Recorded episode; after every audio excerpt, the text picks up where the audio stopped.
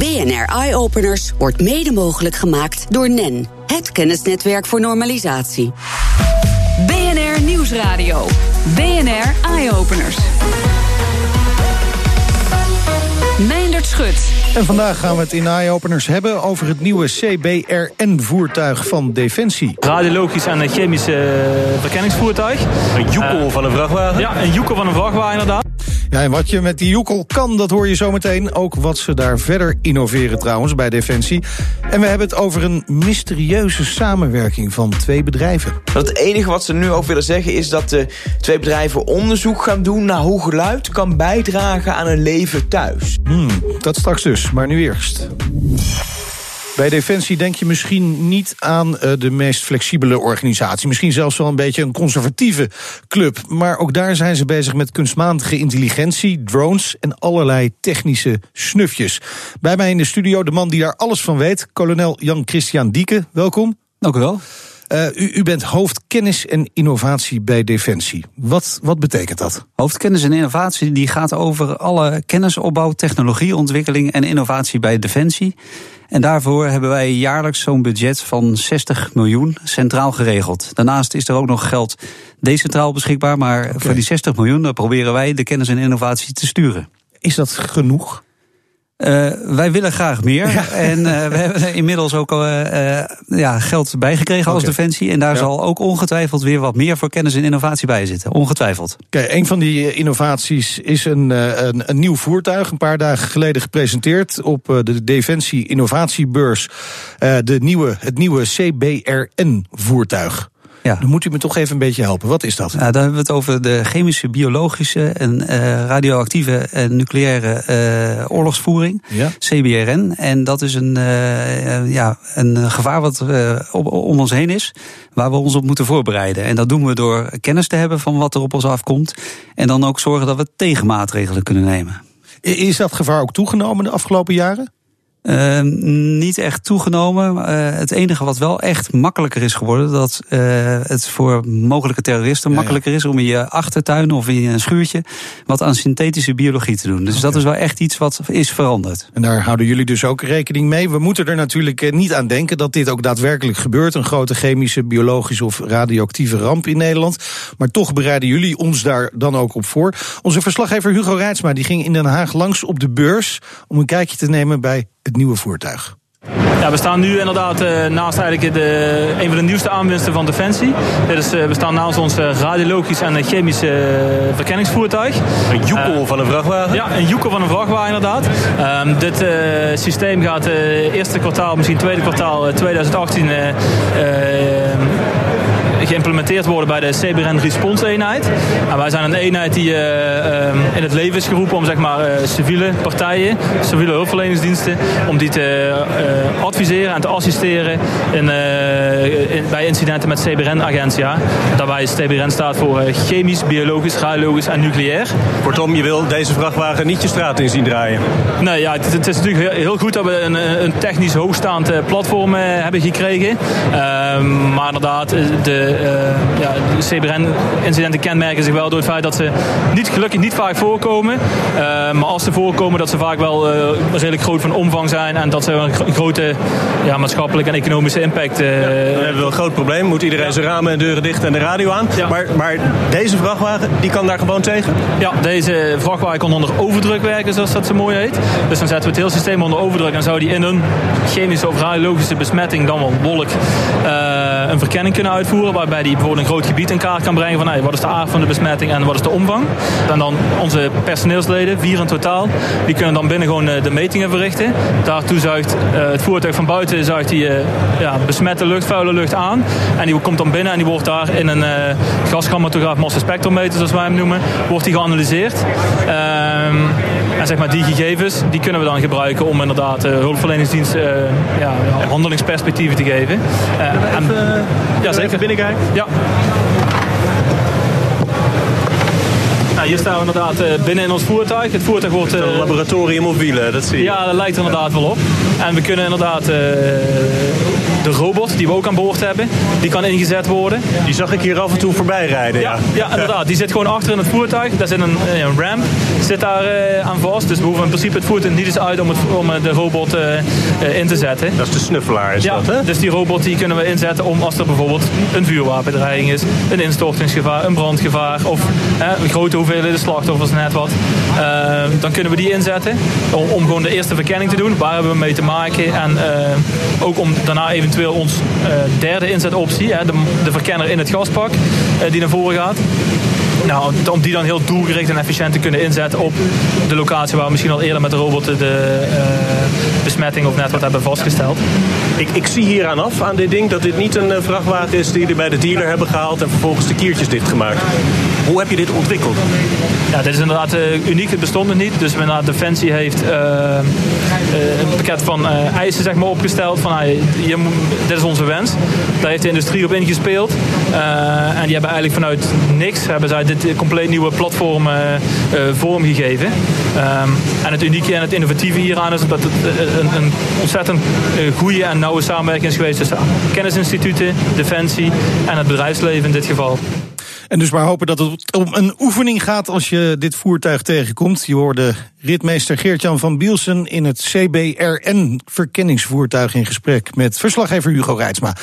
Um, bij mij in de studio kolonel Jan-Christian Dieke, hoofdkennis en innovatie bij Defensie. Dit voertuig, is dit nou zo'n typische innovatie bij Defensie? Nou, ik vind het wel een heel mooi voorbeeld. Want wat je hier heel goed ziet, is dat door heel langdurige kennisopbouw, opgebouwd bij de kennisinstituten, zijn we in staat dit voertuig te bouwen, eh, samen met de industrie.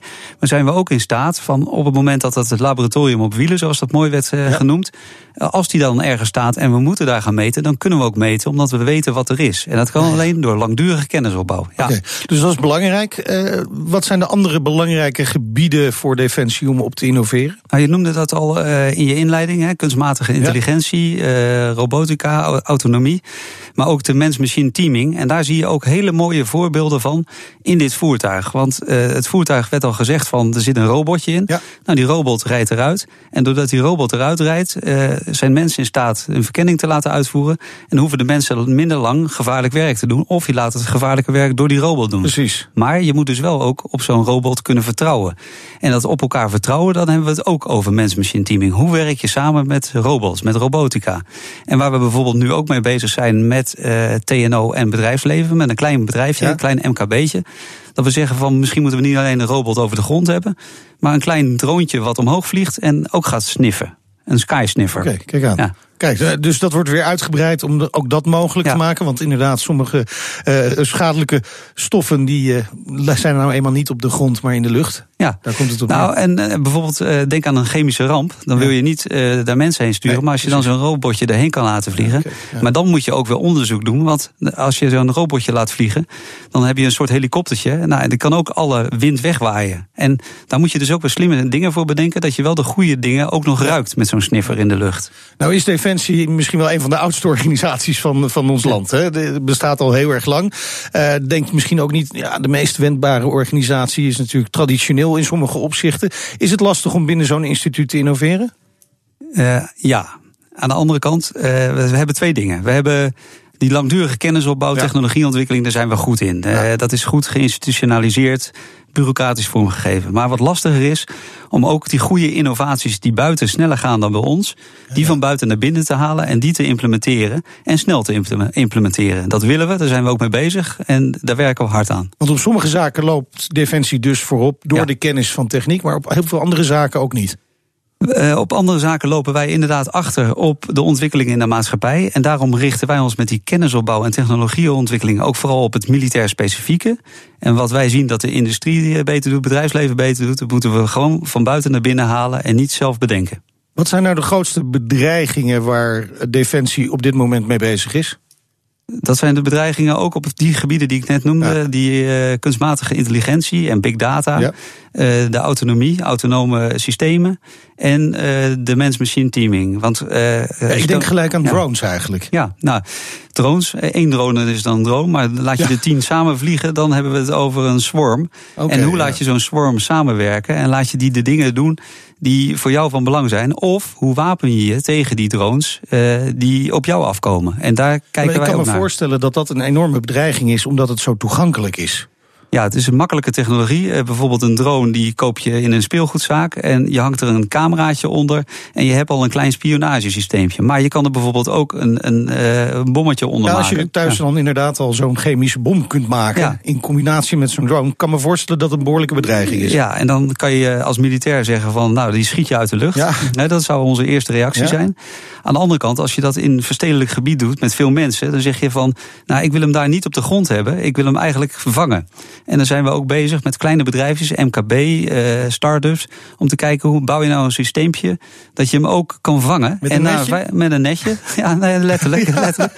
En dat je hem, de, de drone catcher heet hij, en dat je hem kan vangen en naar een veilige plek kan brengen waar je hem dan onschadelijk kan maken, maar bijvoorbeeld ook forensisch onderzoek kan doen. Waar komt hij vandaan? Zodat je ook uiteindelijk wel de bron kan aanpakken. Kijk aan. Uh, in 2019 gaat Defensie een eigen satellietruimte insturen. Dat is uh, eind uh, vorige maand bekendgemaakt. Ja. Wat gaat er precies gebeuren met die satelliet? In eerste instantie is dat uh, voor ons gewoon om ervaring mee op te doen en eigenlijk uh, inlichtingen vergaren. En uh, op basis van de experimenten doen we doen, die we doen, de ervaring die we opdoen, gaan we kijken wat kunnen we er verder nog aan uitbreiden. En dat is ook innoveren. Innoveren. En ja. dat, ook dat is samen gedaan met een partij van buitendefensie, namelijk ja. de TU ja, in Delft. En het bedrijfsleven en inderdaad. Bedrijfsleven. Ja, zo zoeken wij altijd die samenwerking op. En dat doen we ook bijvoorbeeld in onze innovatiecompetities. Dat we zeggen bedrijfsleven, denk met ons mee, kom met oplossingen voor dingen die wij nog niet hebben. En zo blijft Defensie bij de tijd? Bij de tijd en sneller innoveren. Want wat jij net ook zei, van we moeten wel blijven ja, veranderen ja. en adaptief zijn. Ja, ja, Dank. Dank kolonel Jan-Christian Dieke, hoofdkennis en innovatie bij Defensie. En straks de vervuilende lucht in een parkeergarage zuiveren... en dan weer naar buiten blazen als schone lucht. Het kan en het gebeurt. BNR Nieuwsradio. BNR Eye-Openers. We willen natuurlijk allemaal innoveren, maar we weten niet altijd precies hoe. Redacteur Paulien Sewuster die zoekt voor je uit of je nou kleine stapjes moet zetten of juist groots moet gaan handelen. Oké, dus je wil innoveren. Je wil grootse dingen bereiken. Of dat nou betekent dat je gelijk grote veranderingen moet doorvoeren... of dat je stapje voor stapje bij je doel kunt komen... dat is nou precies de vraag. Dus ik roep de hulp in van Jan Ballon. Hij is van afdeling Buitengewone Zaken... een bureau dat bedrijven helpt met innoveren. En volgens Jan kun je best klein beginnen. Ja, mijn, mijn optiek uh, begin je altijd met die kleine stapjes. Kijk, je hebt een grote visie nodig waar je, waar je naartoe werkt. Maar elke verandering begint met een eerste kleine stapje. En het, het probleem is dat mensen vaak denken dat het een heel grote radicale verandering moet zijn. Ja, dat houd je tegen, want dat, dat is iets, uh, iets heel groots om mee aan de slag te gaan. En Jan vindt het zonde als bedrijven zich daardoor laten tegenhouden, want zo eng is het allemaal niet. Wel, als je het opdeelt in hele kleine stapjes, verschillende experimenten, zowel op vlak van je organisatie als op vlak van je producten, dan kan je leren als, uh, als bedrijf of als instelling en, en gaandeweg vernieuwen. Volgens Jan moet je dus als bedrijf een beetje wennen aan het innoveren en daarom beginnen met kleine stapjes. En volgens hoogleraar innovatie aan de Nijrode Universiteit Jeff Gaspers is het ook voor de klant heel fijn als jij als bedrijf niet groots wil innoveren, maar kleine verbeteringen doorvoert. Dan kom ik om de vijf jaar kom met hele grote innovatie. Maar ik ben vijf jaar niks van me laten horen. Dan kom ik met de innovatie. Wat zal op jou een hoger psychologisch effect hebben? Dat ik om de drie, vier maanden je iets laat zien. Een andere packaging. Een, een andere manier om jou te helpen. Nou, je hebt door de toon van Jeff misschien al een vermoeden welke de grootste psychologische impact heeft. Dat zijn de kleine verbeteringen en niet de grootste innovaties. Het is ook heel erg belangrijk dat je niet alleen innovatief bedrijf bent, maar dat je ook gepercipieerd wordt als een innovatief bedrijf.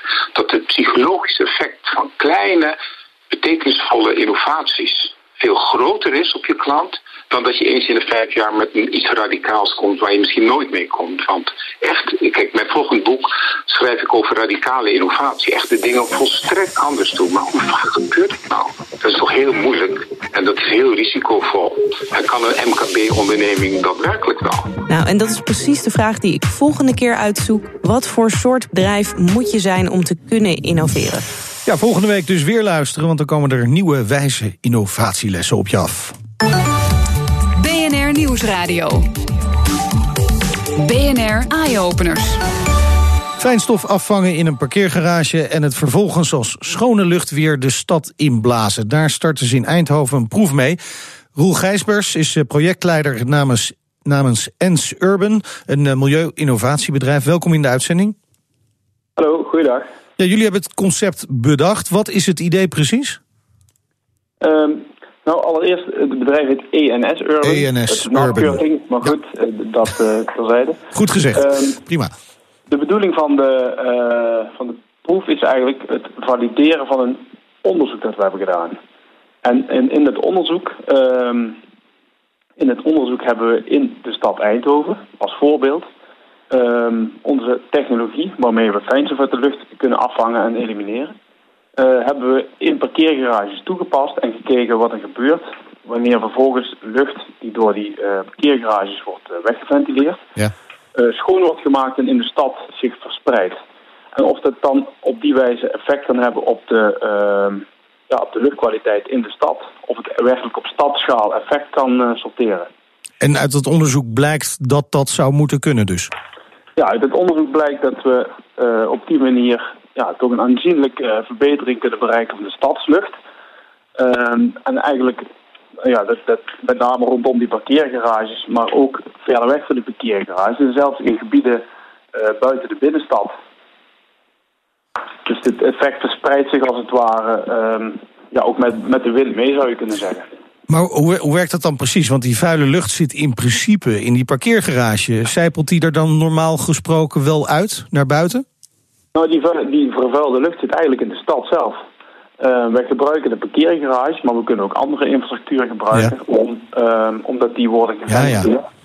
En uh, we plaatsen eigenlijk die techniek in de, in de bestaande infrastructuur en maken op die manier gebruik van ja, reeds bestaande kanalen. Okay. Je kunt het zien als soort luchtkanalen, om, om stadslucht aan te trekken en te, en te reinigen en vervolgens weer op, ja, in de stad uh, af te geven. En hoe wordt die lucht dan precies gezuiverd? Uh, hebben, hebben we te maken met een soort grote filter waar de lucht doorheen geperst wordt? Uh, het, nou, het is een, een reinigingstechniek op basis van ionisatie. En we werken zonder filters. Dat is eigenlijk ook het mooie van die, van die technologie. door een elektrische lading toe te passen met een, met een hoogspanning... Ja. kunnen we ervoor zorgen dat we die deeltjes die in de lucht zitten, die je dus niet ziet... En die kunnen we sturen naar een collectoroppervlak, eigenlijk een, een plaat waar we die uh, deeltjes op laten neerslaan. En het mooie ervan is dat die kleine deeltjes, die, uh, ja, die klonteren in het proces eigenlijk samen tot een, tot een grootte, waardoor ze ook niet meer schadelijk zijn om in te ademen. Ah, ja. okay. Dus je kunt echt het, ja, dat stof wat je wegvangt, kun je echt elimineren en ontnemen aan de lucht. Nu gaan jullie dit concept ook echt daadwerkelijk uittesten. Wat, wat gaat er precies gebeuren en wanneer? Nou, we gaan uh, in Eindhoven op het Stadhuisplein gaan we, een, uh, gaan we beginnen morgen met bouwen. En ja. we gaan daar uh, een, een soort constructie neerzetten waar, die, waar een dertigtal van die reinigingsunits in worden geplaatst. En we zuigen de lucht aan vanuit de parkeergarage die, die daar onder het plein gelegen is. Um, nou, die lucht die wordt aangezogen, gereinigd en vervolgens op het plein weer losgelaten. En uh, in een meetnetwerk rondom het plein gaan we kijken wat dan het effect is. En het doel van het meten is eigenlijk om te kijken of het computermodel waarin we die luchtstromingen voorheen al gesimuleerd hadden, om te kijken of we, die, uh, of we dat model kunnen valideren en op die manier ja, in feite kunnen bewijzen dat het ja. uh, berekende model ook werkt zoals we hebben laten zien. Iedereen dus uh, frisse neus wil halen naar het Stadsplein in Eindhoven de komende tijd. Want daar uh, komt frisse lucht uh, uit de grond. kunnen we in de toekomst, dat zei je, eigenlijk elk gebouw kun je gebruiken. Is dit iets wat we straks eigenlijk bij alle gebouwen gaan zien als dit werkt? Ja, dat zou kunnen. Ja, zeker. En met name, ja goed, in de stad heb je natuurlijk best veel publieke voorzieningen. Ook, ook de, de viaducten of tunnels. En dat zijn hele mooie plekken om dit soort dingen te doen. Dus het is goed goed om sowieso ja. Uh, ja, bij een bron wat te doen. Oké. Okay. Um, en gebouwen ja, lenen zich ook prima voor, want die worden allemaal geventileerd met buitenlucht. Heel veel succes eh, met de proeven. We zijn heel benieuwd eh, wat de resultaten zullen zijn. Roel Gijsbers van ENS Urban, een milieu-innovatiebedrijf. BNR Nieuwsradio. BNR Eye Openers. Zijn we alweer toe aan de beste technieuwtjes vanuit de hele wereld. En daarvoor spreken we zoals elke week met tech- en innovatie-expert Elger van der Wel. Om te beginnen, Elger, Google is druk bezig geweest met schaken. Vertel. Nou, precies zijn gaat het om een eh, zusterbedrijf van Google, genaamd DeepMind.